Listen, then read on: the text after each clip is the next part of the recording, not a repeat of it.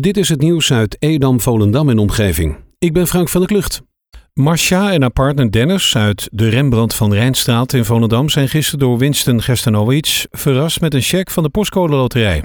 Winston mocht Marcia verrassen met 168.000 euro, hetzelfde bedrag als studiowinnaar Jan uit Oldelamer won tijdens de spelshow Postcode Loterij Miljoenenjacht. Het verrassingsmoment was live bij SBS 6 te zien. Iedereen die met postcode 1132 TJ meespeelde, met de postcode loterij verdeelt met elkaar dit bedrag. In totaal zijn dit 18 inwoners.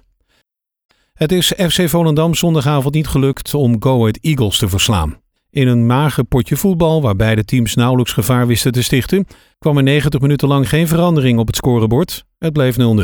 De Volendammers komen met dit extra punt op het totaal van 5 punten uit 5 wedstrijden.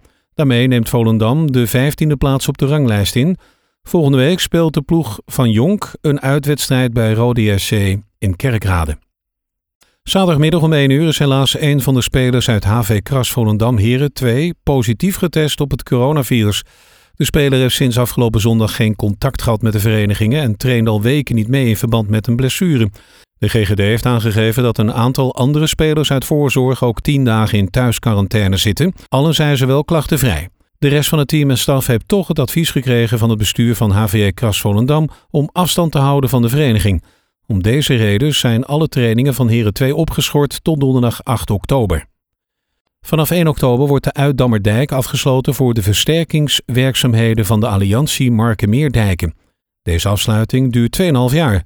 Doorgaand verkeer wordt dan ook omgeleid over de provinciale wegen, de N518 en N247. Vanaf nu gelden er aanvullende coronamaatregelen in de regio Zaanstreek-Waterland. Het aantal besmettingen en ziekenhuisopnames loopt ook in deze regio helaas op.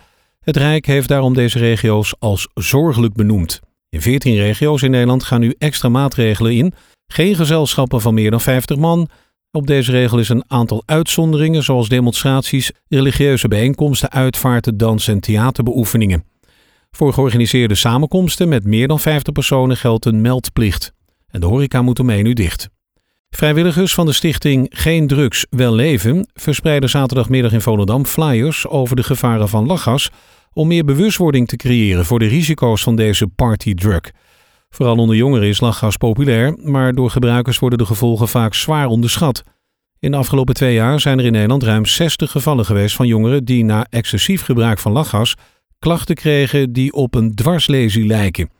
Lachgas is dus niet zo onschuldig als het lijkt. De plannen om Amsterdamse scholieren voorrang te geven bij de keus voor een middelbare school zijn voorlopig opzij geschoven. Daarover ontstond grote onrust in diverse dorpen in onder meer Waterland, waar kinderen afhankelijk zijn van de school in Amsterdam.